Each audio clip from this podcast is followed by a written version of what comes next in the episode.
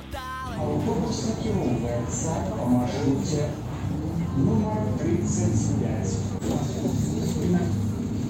Плошча Савецкая. Усіх вітаю шаноўнае спадарства гэта падкаст утульны горад а мяне зовут даша і сёння да мяне зноў завітала спадарня віолета у мінулы раз мы абмяркоўвалі што такое ёсць добрая архітэктура што такое ёсць дрэнная архітэктура а ў гэтым выпуску мы з вами пачнем з базавага панятка урбаністыка урбаністы горадабудаўніцтва. Мяне часу да часу пытаюцца кшталту даша вось уся гэта урбаністычная тэма а гэта як бы твоя прафесія ці гэта тваё хобі? Ты журналістка але ўзялася пра гэта рабіць падкаст. Мне вельмі спадабаўся твой падкаст і цяпер таксама хачу быць урбаністкай куды мне пайсці павучыцца і вось на ўсе гэтыя пытанні мы сёння будем спрабаваць адказаць разам з віолетай добрый дзень спадарня віолета еще раз здравствуйте всем меня зовут виолетта мусалова я архитектор и большую часть своей жизни я прожила в городе Гродно, поэтому сегодня опять пойдет речь про это. Вообще, наверное, эта тема терминологиями, она мне всегда была интересна. Я, конечно же, по образованию не филолог и не могу прям судить. После обучения в университете в Беларуси, в Минске и нескольких заграничных, э, всегда оставал вопрос понимания трех главных терминов — это градостроительство, урбанизм и урбанистика. Сейчас, к сожалению, будем говорить именно про словообразование в российском языке, но я думаю, что в белорусском еще меньше информации, потому что это чаще слова позаимствованные. Я спрашивала у своего знакомого филолога, э, на какие лучше словари опираться. Мне посоветовали два словаря толковых. Это Даля и Ожегова у Даля я не нашла информации по этим трем словам, то есть их просто не существует в этом словаре. А Ожегова предоставляется нам градостроительство, цитата, «искусство проектирования и строительства городов, само такое строительство». Урбанизм — направление в искусстве, изображающее жизнь больших современных городов, либо направление в градостроительстве, утверждающее необходимость создания городов-гигантов.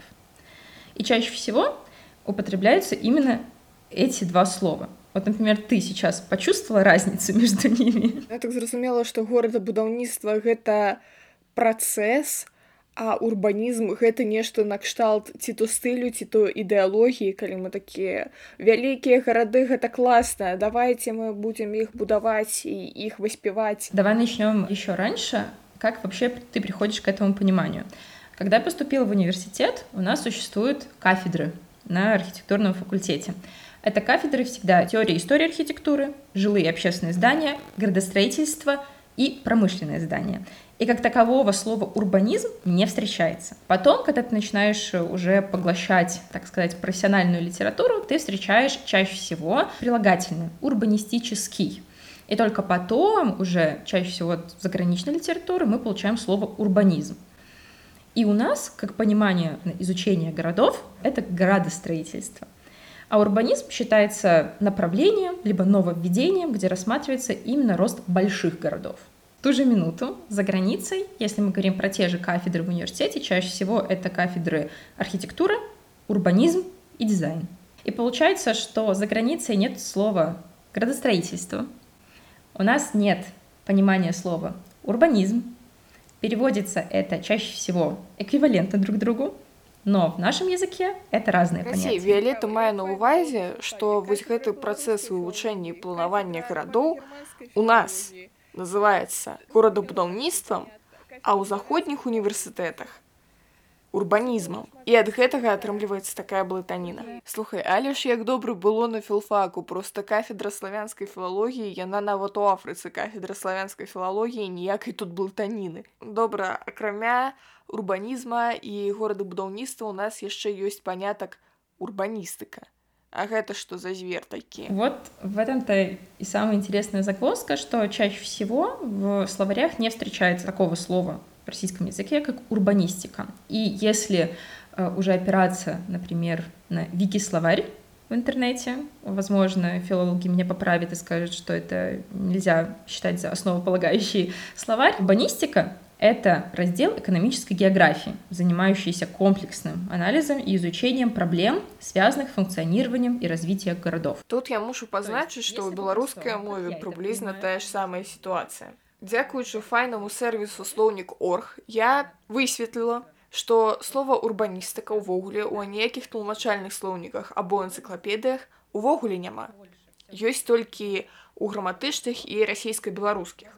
То бок там ёсць толькі змена па склонах, урбаністыка, урбаністыкі, урбаністыцы і так далей, а менавіта значэння панятка няма. Ну бо гэта граматычны слоўнік. У той жа час з горадабудаўніцтвам сітуацыя крышку лепшая. Архітэктура выяўленчая і дэкаратыўна-прыкладное мастацтва дапаможнік для вучняў Менск Беларусь 2001 укладальнік Барыс Лазука дае нам наступнае значэнне. Горадабудаўніцтва, тэорыя і практыка планіроўкі і забудовы гарадоў.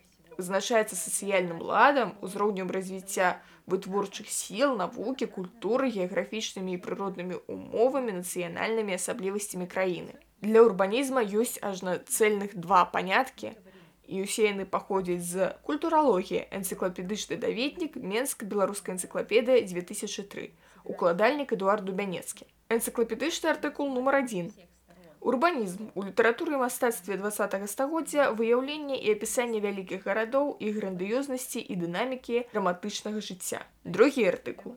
Кірунак у архітэктуры два стагоддзя, які лічыць непазбежным і неабходным стварэнне гарадоў гігантаў з буйнымі будынкамі. Разглядае гарады як асноўную і характэрную для сучаснай цывілізацыі форму рассялення атрымаў распаўсюджанне ў двае гады ў краінах Еўропы і Амерыкі. То бок я гэта навошта кажу просто тое што віолета праводзіць прыклады на падставе расійскамоўных усякіх крыніц гэта нічога страшнага ў дадзеным выпадку тому что з беларускамоўнымі крыніцамі все приблизно тое же самое то есть урбанистика если это такой собирательный термин она направлена на решение определенных проблем то есть мне кажется если мы говорим про российский язык и мы говорим про то как сделать город комфортнее, различные собирательные вот эти вот науки, мы рассматриваем со стороны городского активиста, то это будет урбанистика. То есть, если прямо опираться на российский язык, твой подкаст, мне кажется, он про урбанистику. Он про все. Ты тут приглашала гостей самых различных сфер. Это архитектура, экономика, экология, если я не ошибаюсь. Перед этим я как раз-таки спрашивала своих знакомых студентов из Чехии, кто такой урбанист. Если я задаю тебе вопрос, кого ты представляешь, кто такой урбанист? Думаю, что это человек, які хутчэй атрымліваў не вышэйшую адукацыю а вучыўся на усялякіх курсіках слухаў усякія падкасты чытаў усякія кніжкі і гэта такі сучасны хіпстер які п'е свой безлактозны латы а яшчэ на самакацікі катаецца і яшчэ ў яго коргі это отличный собирательный образ у меня он примерно такой же культурный феномен что ли потому что я очень бы хотела отойти возможно от этого российскоязычного бэкграунда потому что естественно в сфере своей профессии спрашивая у архитектора, кто такой урбанист. За границей, естественно, это идет от слова урбанизм, который просто поясняет строительство городов и вообще урбанистических единиц, они говорят, что это архитектор со специальностью урбанизм. Я это понимаю, мне тоже очень хочется, чтобы это в моей голове была первая мысль, но я представляю именно такого человека, который городской активист, э, который посмотрел либо создает собственные видео на YouTube, занимается популяризацией этой темы в интернете и так далее. И, наверное, от этого тоже вот зависит наше восприятие, кто для нас урбанист и кто может им как стать. Ты даже говоришь, что это человек, который посмотрел там видео, начитался, поболтал со всеми и просто набрал сознание сам, то, в принципе, так человек и может им стать все очень просто. Атрымліваецца что быццам бы на умоўным захадзе гэта вельмі папулярная ўжо развітая спецыяльнасць і тут чувакі вучацца ва універсітэтах і атрымліваюць бакалаўра магістрскую дысертацыю пішуць радуюцца жыццю а ў нас гэта ўсё зноў жа на ўзроўні як ты можешь стаць урбаністам? Ну ты можаш ну кніжкі пачытаць зноў жа відосікі паглядзець. Я бы не согласилась потому что мне кажется что здесь не делится на то что они это слово придумали, и значит, они впереди, у них есть уже профессионалы, а мы просто не на том уровне. Я думаю, это просто по-другому называем. Какой смысл мы наделяем этому слову? Між іншым, у брэскім дзяржаўным універсітэце ёсць такая спецыяльнасць урбаналогія і сіці-менеджмент. Чатыры гады там трэба вучыцца. Трэба здаваць беларускую мову, геаграфію і матэматыку. Да, но я думаю, что если это сіці-менеджмент, это больше с уклоном какой-то экономическую деятельность, но при этом вот, да, такие уже специальности существуют.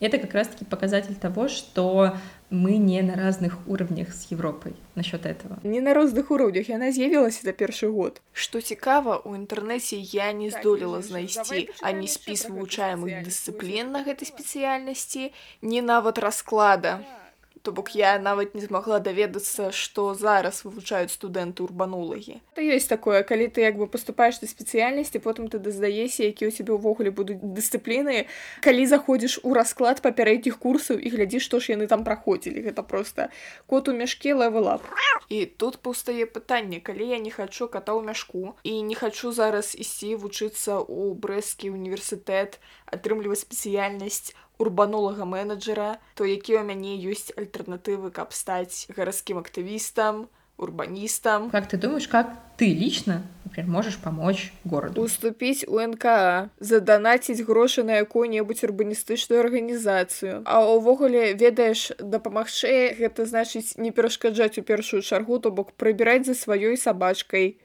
не выкідаць смецце куды попало не отбивать кавалки пандуса не грызці лаўки у парку да отлично и мне очень нравится как ты сначала от общих больших каких-то понятий например там вступить э, в какую-то организацию да искать сообщество либо просто донатить деньги мы переходим к очень таким личным параметрам которые может создать сам человек например твой подкаст это опять-таки очень-очень активная помощь городу при этом как помочь не просто городу, но и всем архитекторам.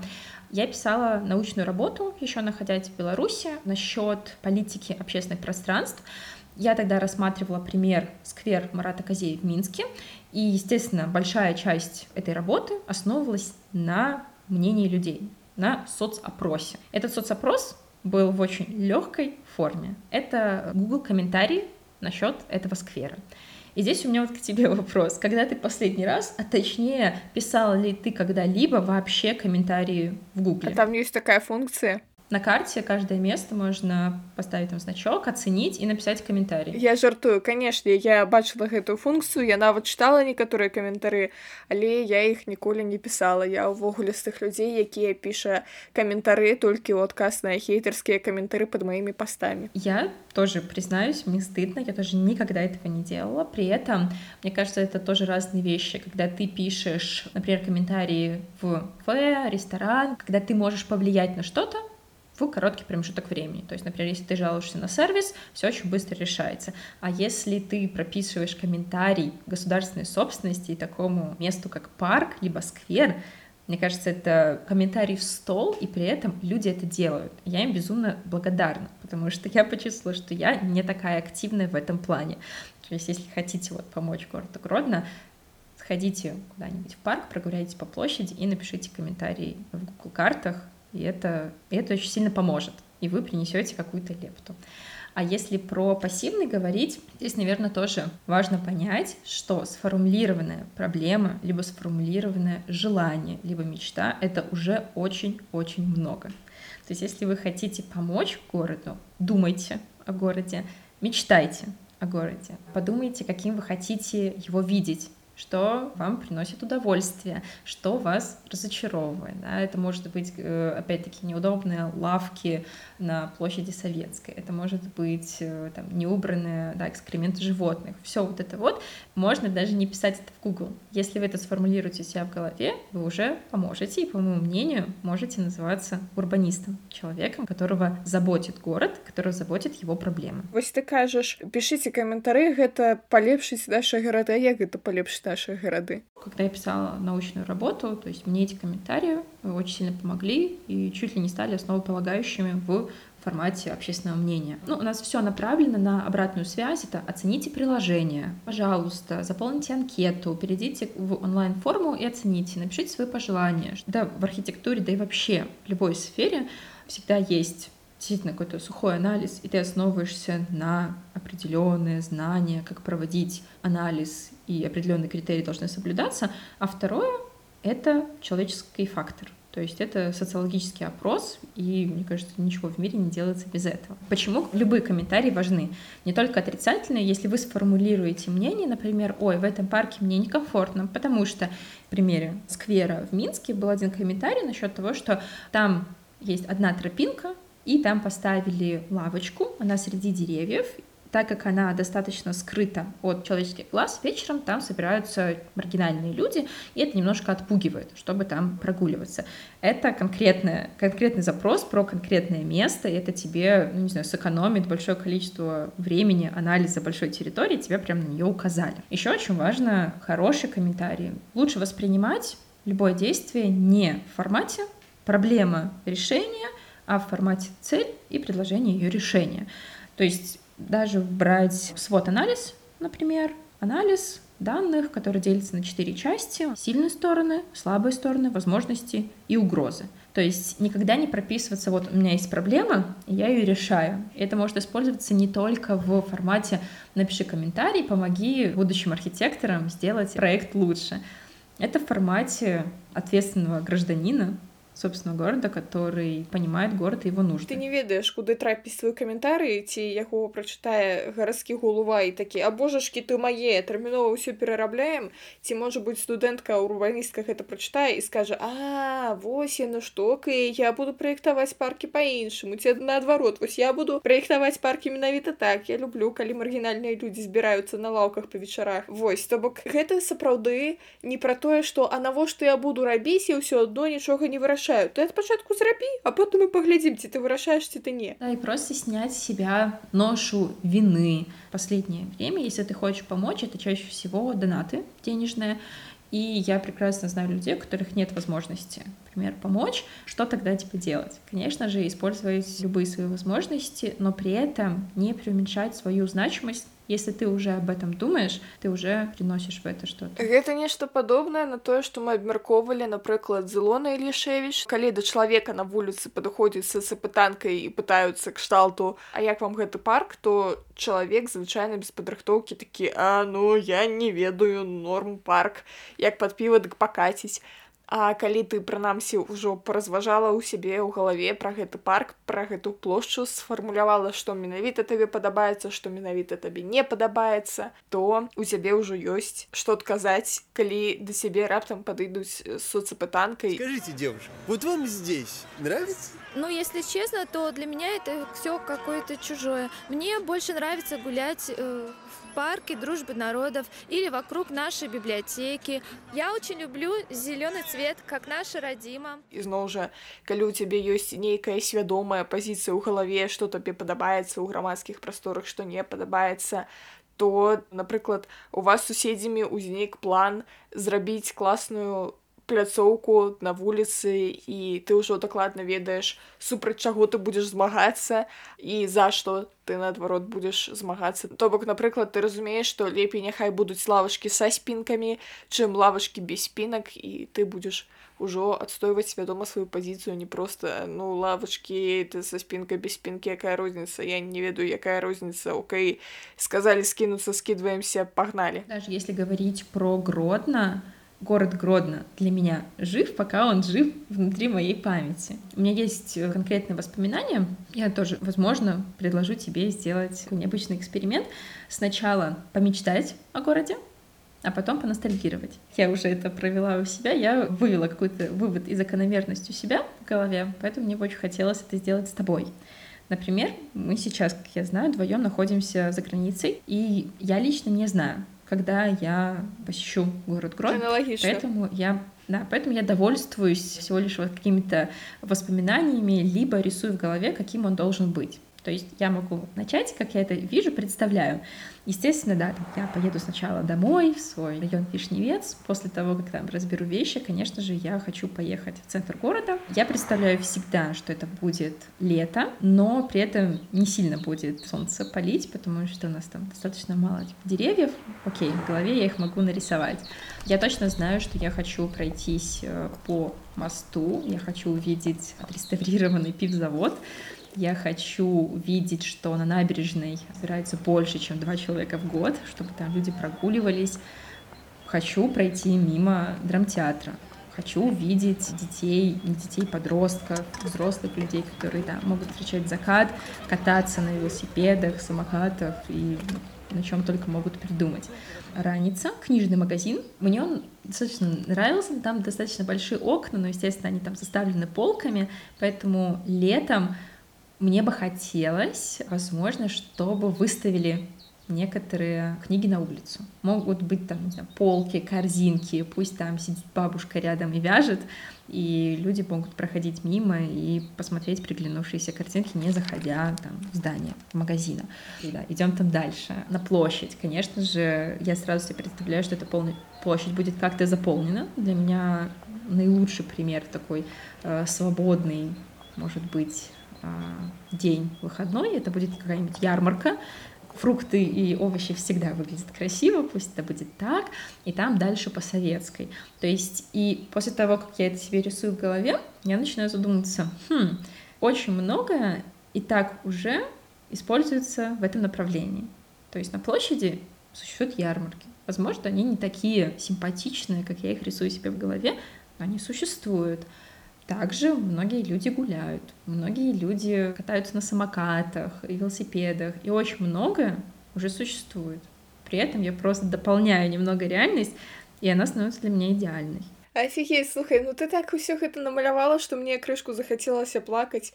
Ну окей, давай уявім сабе, што я таксама вяртаюся ў гродна і давай мы сабе уявім што я ад пачатку праехала ў нейкі горад дзе ў мяне адбыліся ўсе сустрэчы з сябрамі з роднымі ўсё адбылося і потым я ўжо магу паўнавартасна асалоджвацца гродна ну ад пачатку я канешне буду у паўднёвым прайдуся каля лесу пагляджуць яго яшчэ не вырубілі гады я вельмі спадзяюся што яго гады не вырубілі а там усё добра сфоткаюся каля касцёла Таму што як бы з табой у мінулым выпуску абмяркоўвалі гэтыя нашыя касцёлы такія постмадэрновыя ў мікрараёнах это асобны від мастацтва ўвогуле я пройдуся так по паўднёваму пагляджу так рынок на месцы і потым я возьму таксі скажу кіроўцу каб ён праехаў увесь горад і вылажыў усе грошы якія зарабіла ў Еўропе і я спадзяюся што што зменіцца да лепшага дык гэта будзе паменей гэтай вырві вокавай баннернай рэкламы а будзе нешта мінімалістычнае і прыгожае я б хацела са здзіўленнем пабачыць што стала нейкім чынам менш аўтобусаў а больш тралейбусаў можа быть электробусаў і што яны ходзяць па новых маршрутах яны ахопліваюць нашмат большую прастору тому что гэтыя наши прышпілы мне ісці 20 хвілін да прыпынку я радуюся жыццю гэта мне не падабаецца. У мяне дарэчы няма такой вялікай мары каб цэнтр стаў пешаходны хаця гэта тое что абмяркоўваецца таксама. Вось што ўвогуле закрыць увесь цэнтр там пакінуць толькі каб ён быў для грамадскага транспарту і пешаходаў. Не ўпэўнена я на гэты конт конт што мне дакладна вельмі хочацца пабачыць у цэнтры гэта вось тыя вуліцы якія вось савецкай ты накіроўвайся да аўтавакзала і вось усе гэтыя вуліцы і карла маркса і кірава і моладзевая і ту карацей дзе ўсе гэтыя двухпавярховыя дамы. Я просто вельмі люблю гэты мікра мікрараёнчы ці калі не жыць у паўднёвым я выбрала жыць там каб у мяне вокны выходзілі ў які-небудзь дворык. Вось і выходзіць так на малюсенечкі балкон з раніцай. Так я ўгродна вось тут бачу манастыр усё добрае. Усе я дома то бок мне чаго дакладна не хапае як бы з гістарычнай каштоўнасцю. Дзякуй богу пакуль не развалілі ўсё добра не падабаецца. Яшчэ дабудуем фару вітуты будзе ўвогуле замечтательна. Рэальна інфраструктурна хацелася б каб быў больш зручны грамадскі транспарт таму што ну каб не грамадскі транспарт я б любіла грудна яшчэ больш. Не на 9 з 10 а на 11 з 10 то бок выснова ў гэтага нашага эксперымента такая Не абавязкова рабіць складаныя менеджерскія аналізы, атрымліваць 10 тысяч адукацый, рабіць нейкія складаныя урбаністычныя праекты для таго, каб проста зразумець, што менавіта табе хочацца бачыць у тваім горадзе, чаго табе бракуе, а што наадварот падабаецца. Проста марце гучыць пэўна як нейкія пажаданні бездастрэнераў, якія прадаюць здзяйсненне мараў, але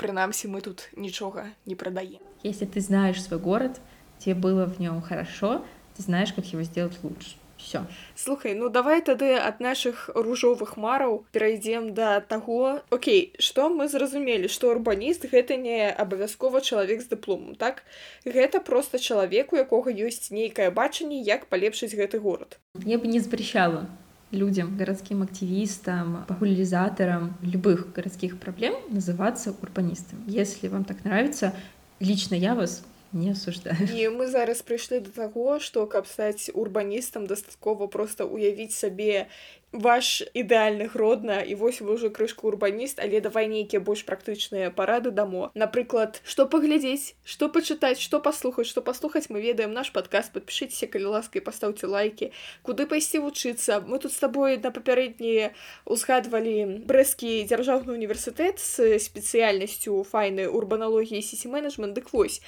Я знайшла толькі інфармацыю, што туды на бюджэт праходны бал 245, то бок не занадта высокі, туды можна прайсці ўсё добра. Але пры гэтым я так і не знайшла, якія там дысцыпліны вывучаюцца і абапіраючыся на тое, што там першы прадмет геаграфія і знаходзіцца гэта на факультэце, дзе біёлагі і географы, то гэта будзе больш пра гэты бок падручнікаў па геаграфіі, якія хтосьці пралістваў хтосьці наадварот чытаў з зацікаўленасцю дзе напісана пра гарады гарадскую інфраструктуру вось гэта ўсё таму чувакі падумайце ці яно вам трэба можа быць лепей разглядзіце архітэктурны факультэт вось калі вы раптам вырашылі паступаць на архітэктурны факультэт то у вас ёсць выбар з чатырох вНУ гэта бнту гэта брэсцкі дзяржаўны тэхнічны універсітэт гэта беларускі дзяржаўны універсітэт транспарту што ў гомлі і гэта поласкі дзяржаўны універсітэт імя ефрасіні поласкай а яшчэ можна вучыцца ў каледжах. Напрыклад у мінскім дзяржаўным архітэктурна-будаўнічым каледжу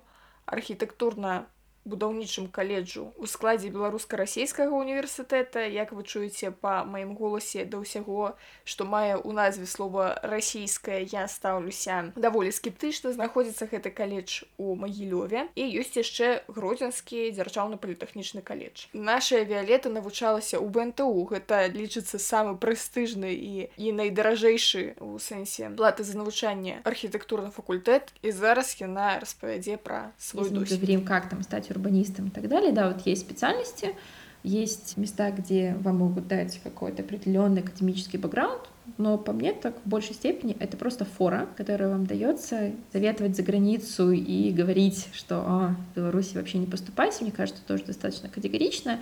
Недавно слышала тоже подкаст, где были ребята из БНТУ, с факультета архитектуры, и высказывались про архитектурный факультет достаточно терпимо. Сказали, что тот, кто хочет получить знания, он получает их, и, в принципе, ну, то есть все достаточно доступно. Я бы не была столь оптимистична насчет образования, я была очень рада покинуть эти стены, и это, естественно, я не перекладываю только на уровень университета, это, наверное, типа уровень страны. Если кратко, о чем может быть речь, если кабинеты, в которых раньше проходил предмет проектирования архитектурного факультета, называлось загонами, потому что это было пространство бывшей библиотеки, которое было разделено очень тонкими перегородками. Слышимость была ужасная, кабинеты были ужасно маленькими, туда не влезала полная группа при полной конкретной посещаемости и так далее. Возможно, опять-таки, если вы поедете за границу и будете учиться в Европейском университете, у вас будет фора, потому что у вас будет пример системы образования и учебники не 80-х годов. А Вы получите много знаний, но это будет лишь фора. Как и в Беларуси, я знаю, почти все мое окружение как-то э, сделало себя само. И когда мы говорим вообще про университет, это 20% занятий, а 80% это самообразование. Как бы ужасно эти слова не звучали, на самом деле это правда. Даже студенты, архитекторы обязаны читать очень много всего, они обязаны смотреть каждый день и поглощать все, впитывать как губка.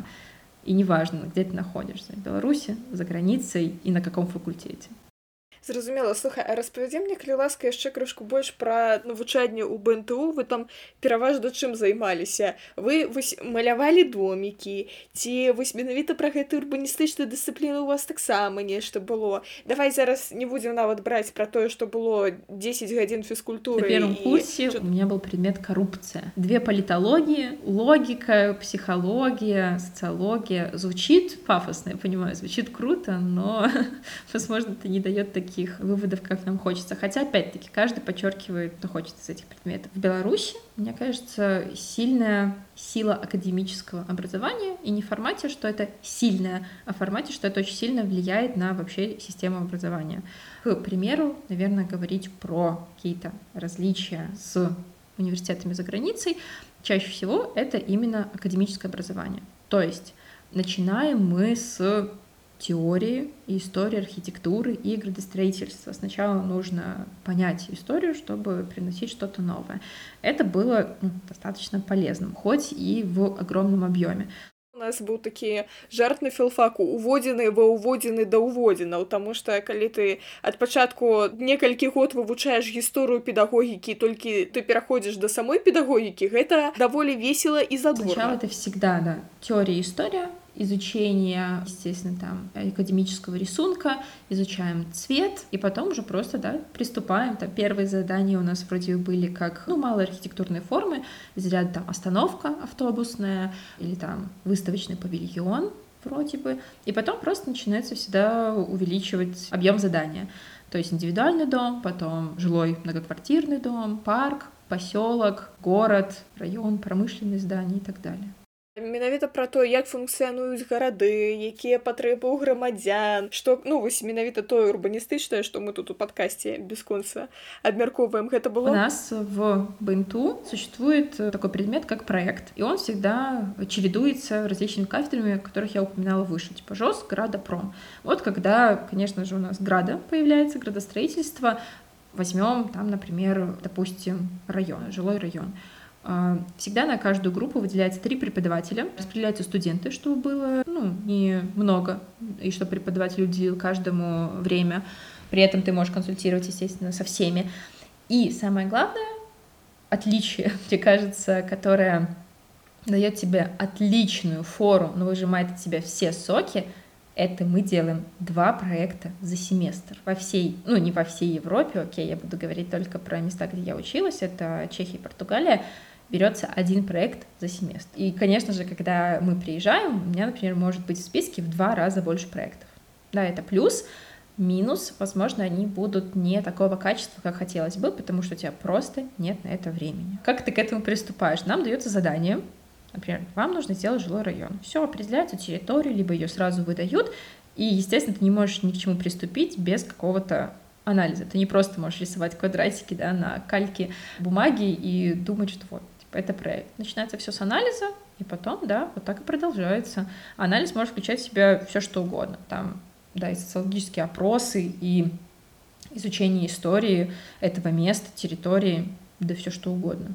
То есть тут уже формат, что тебе больше интересно, и на что у тебя хватит времени зразумела як файна што не пайшла на архітэктурны факультэт подумала я зараз гэта гучыць вельмі складана гэта цікава пэўна але не настолькі цікава наколькі складана да, проекты вам говорят вот сегодня мы там делаем остановку. И, возможно, да, ребята до университета там рисуют домики, там придумывают. У меня был отличный опыт, наверное, в пять лет игры в Sims, да, то есть я чуть-чуть была к этому готова, но при этом это все равно было очень страшно, и просто тебя карандаш в руке, ты спрашиваешь, а как? Очень сильно помогала, да, насмотренность. Ты просто переходишь там в Pinterest, вводишь и просто смотришь, какие вообще типа в мире существуют, и из этого складываешь то, что тебе нравится, выделяешь характеристики, и делаешь что-то между этого. Это были хорошие упражнения, то есть у вас просто как этот мастер-майнд. Очень быстро вы сейчас накидываете идеи, даете, и они оцениваются. Ну, заряд мы просто говорим, кто сколько успел, кого как там заточен это мозг, и не всегда это срабатывает прекрасно. Ну так слухай гэта таксама асаблівасць беларускай адукацыі з аднаго боку у цябе быццам бы з ложачкі кормяць вось гэта як маленечкага самых азоў пачынаем вывучаем гісторыю вывучаем уводзіны ва ўводзіны а ў выніку калі ты праходзіш на семінары табе даюць заданне ты рэальна такая а як а мы гэтага не праходзілі а ніяк А что так дайся мне паглядзець канспект а сэнс яго які глядзець калі там нічога про гэта не написано ну, мне кажется знаешь это очень такие постсоветская идея тебя нужно дожать настолько разочаровать во всем и тот, кто выживет и останется сопротивляться и бороться, тот настоящий архитектор и настолько этого хочет, что готов все это преодолеть. Ну, мне кажется, достаточно как-то категорично, что ли. Не все готовы работать в таком темпе. ёсць такі момант ведаеш я раптам апынуўшыся ў Еўропе пачала нахвальваць не беларускую адукацыю а менавіта гродзенскі філфак я разумею яшчэ такі момант што просто у мовазнаўстве даволі цяжка зрабіць нейкія адкрыцці і ў прынцыпе тыя падручнікі якія былі напісаны ў 50-х яны дагэтуль цалкам валідныя а з беларускай адукацыяй ва ўсіх астатніх сферах так не працую тому что як ты искала і на архітэктурных факультэтах там таксама тыя ж самыя падручнікі 50-х гадоў выпуска восьось скажи калі ласка чым яшчэ можа быць адрозніваецца вось гэтая еўрапейская моўная адукацыя як это падладжваецца под новую мову жыцця і ці робіць гэта хоць неяк беларуская адукацыя ну вось адзін прыклад мы бачым што вось у брэскім універсітэце з'явілася спецыяльнасць пра урбанологию. Я думаю, главное отличие — это подход, и это можно посмотреть даже не уже находясь в университете, а просто по вступительным экзаменам. То есть если мы посмотрим, так, какие у нас существуют экзамены там ЦТ, и уже слухи ходят совершенно очень страшные насчет ЕГЭ, при этом на архитектуру это всегда были три вступительных экзамена, рисунок, черчение и композиция — на которые подготовиться просто там художественной школой достаточно сложно. Это все должны быть репетиторы, а в тысячу раз лучше, когда это репетиторы из самого БНТУ, и когда всех знают просто лицо студентов, и сразу видно таких белых ворон, которые учились не здесь и непонятно каким образом туда попали. За границей чаще всего экзамены эти индивидуальные. И они даются не на какие-то, знаешь, набитую руку, а на индивидуальное что-то. Например, в, я знаю, что у нас дается в Либерце экзамен типа тест по истории искусства, вообще, то есть общий, и на архитектуру тоже экзамены меняются, и в каком-то году был, например, там отлить определенную форму из бетона. Тебе нужно что-то быстро очень создать, тебе сразу говорят тему. Короче, ты не можешь к этому как-то прямо заранее подготовиться, и выбирают тебя не по тому, как ты хорошо учился, не по тому, усидчив ты не усидчив, а просто интересно тебе это или нет очень сильный индивидуальный подход. И мне кажется, без выжиманий, потому что мне казалось, что самое сложное — это поступить. Но мне кажется, что, наверное, лучше мыслить, что самое сложное — это получить профессию, то, какую ты хочешь, то, какую ты ее видишь, получить все знания, там, где-то вот дожал, где-то не дожал, где-то вот я этот семестр вообще отдыхал. То есть какую-то ставить себе цель. А когда вот ты просто настолько боишься экзаменов, и это такой основополагающий, решающий фактор, особенно парней, которые могут потом попасть в армию. Ну, мне кажется, это очень жестоко. То есть, мне кажется, именно в подходе, потом даже когда проекты создаются, да, мне нравится, что очень много основывается на твоих чувствах, на твоих эмоциях и на личном опыте. То есть, конечно же, в Беларуси можно делать там проекты, иногда у тебя нет просто времени на какие-то исследования. Ну, просто у меня пример был, когда вот я была в Португалии на Эразмусе, мы очень много писали критики, и я всегда боялась какого-то такого острого словца, потому что как бы какие бы я там научные работы не писала, и у меня там да, зав кафедры крестился передо мной, когда я презентовала научную работу, сказал, ну, конечно, да, типа, очень интересно, подумайте про магистратуру, но опускать памятник Марата Казетьева, вы хотя бы знаете, кто он. Хотя я сделала как бы очень большое исследование и просто сделала вывод, что я, не, я его не буду убирать, просто опустить, потому что он настолько сильно возвышается и показывает свое типа, превосходство, что даже невозможно лица героя увидеть и так далее. Я просто сделала предложение по уменьшению этого постамента, пьедестала. И это вызвало все враг народа. Здесь же, а в Португалии, там типа критика, когда там я могла очень жестоко, возможно, некрасиво писать про что-то, наоборот, это ценилось, потому что там у тебя есть мнение. Я никогда не думала, что там тоже концепция, она состоит не из просто там плана, что ты будешь делать, а реально из твоей идеи. Когда это просто я рисовала карту, я писала вздохи, как я хочу, чтобы человек реагировал именно в этом месте. То есть такая вот какая-то карта, и это послужило концепцией. Я просто для себя делала это, и такие штучки никогда не проходили, типа в быту. Это не то чтобы типа не ценилось, то есть это никому не интересно. Ты должен выдать проект, мы должны посмотреть, у тебя должны быть все планы, разрезы, все свободен. Неси зачетку, ты допущен до экзаменов. Все. А здесь, когда мы, там учительница увидела, она такая, что это, господи, это же прикольно, это ты фрик, но мне это нравится. Я такая, ничего себе.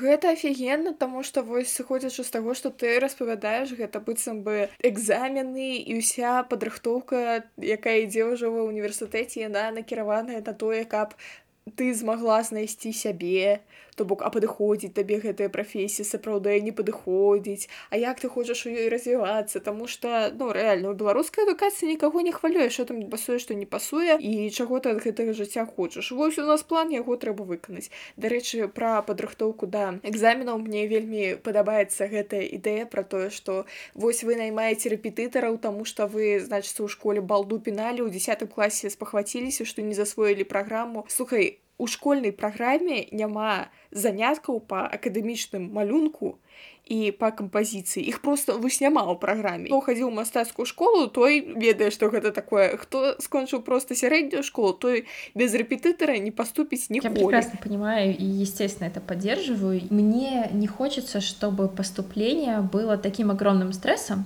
я хотела бы чтобы это выглядело не так как ты в 16 лет решаешь судьбу всей своей дальнейшей жизни, а как ты выбираешь свой просто дальнейший путь развития. Вот это было бы прекрасно. А про экзамены просто могу сказать не мое мнение, но просто как мне кажется, как это будет оправдываться. Черчение у нас есть в программе. Да, это черчение вроде бы один год, два-три листа А3 за весь год, кидание мелом в учеников и крики из разряда «дырка у тебя в одном месте, а это отверстие», то есть все, что я вынесла из этого предмета.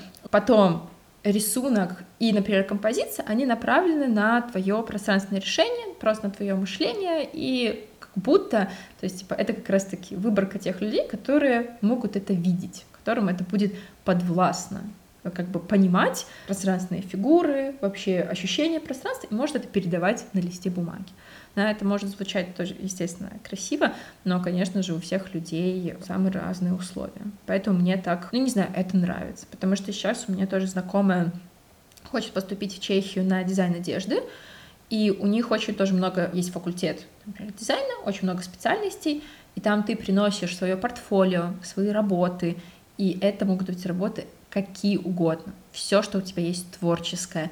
И вот это как раз-таки про то, что я говорю, не нужно никогда преуменьшать свои заслуги, то, что ты сделал. Девочка, ей буквально 18 лет, и когда мы пытаемся сделать портфолио, как же это круто, когда ты не должен нанимать три репетитора по основным там своим предметам, еще возможно, это тоже наши творческие экзамены, это вообще-то разные преподаватели еще, да, вот, и человек может сэкономить огромное количество времени и денег, и при этом ты не готовишься определенно к экзаменам. Когда ты понимаешь, что тебе нужны творческие работы, ты, естественно, думаешь, ой, я добавлю это, это и это. Например, туда пошло все. Девочка составила буквально там букет маме на день рождения. Это искусство, пожалуйста, добавляй это. Перешила на кофте что-то, как бы кастомизировала одежду классно. Когда-то решила делать какую-то смешную открытку подруги с днем кукурузных палочек, пожалуйста, ты уже как бы владеешь фотошопом. Это же показывает человека, это его характеризует. Вообще, да, поскольку бы сейчас э, Бенту не прикрывался, набора нет уже очень-очень много лет. Я когда еще поступала, нам сказали, что да, там, например, ровно 90 человек набирали, то есть, например, 20 бюджет, и 70 платников, тогда уже был недобор. То есть, когда говорят, что вот э, архитектура — это такая типа специальность, она очень-очень нужна в Беларуси и так далее, нет, это уже неправда, архитекторов некуда распределять. Даже эти 20 человек, это Минск проект там, на четверть ставки, это не жизнь. А при этом потом, я помню, мы специально делали прям расследование с ребятами, плата за обучение, то есть, ну, представь, да, 70 человек — это платники, 75% всего факультета — это платники, при том, что каждый год увеличивается плата за обучение.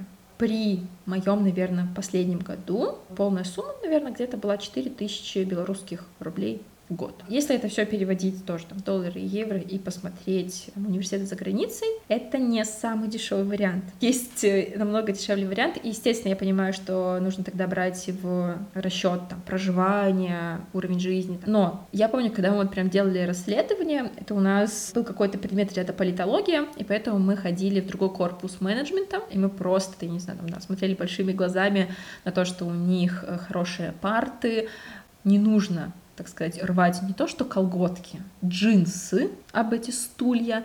Там достаточно комфортно, большие столы, потому что... И при этом мы спросили потом у нашей преподавательницы, типа, тут так классно, почему так не везде вообще в университете, и почему этот корпус, ну, типа, так отличается. Просто у него недавно был ремонт, она сказала нет, потому что менеджмент — это самый дорогой факультет, типа, тут очень большая, типа, плата за обучение. Но у нас была плата за год в тот момент выше, чем у этого факультета. Навошта практычныя заняткі па прадмету карупцыя, калі ты так вучышся на архітэктурным факультэце БНТУ. Окей, мне падаецца, гэта зараз усё прагучала крышку як антырэклама БНТУ, але асноўная думка ўсяго гэтага выпуску мне падаецца, што няма неабходнасці менавіта ісці і атрымліваць вышэйшую адукацыю, калі вам цікава урбаністыка калі вы хочаце быць гарадскім актывістам тым больш што беларуская адукацыя яна можа прынесці нашмат больш пакутаў чым ведаў. Але дзякуй богу існуюць усякія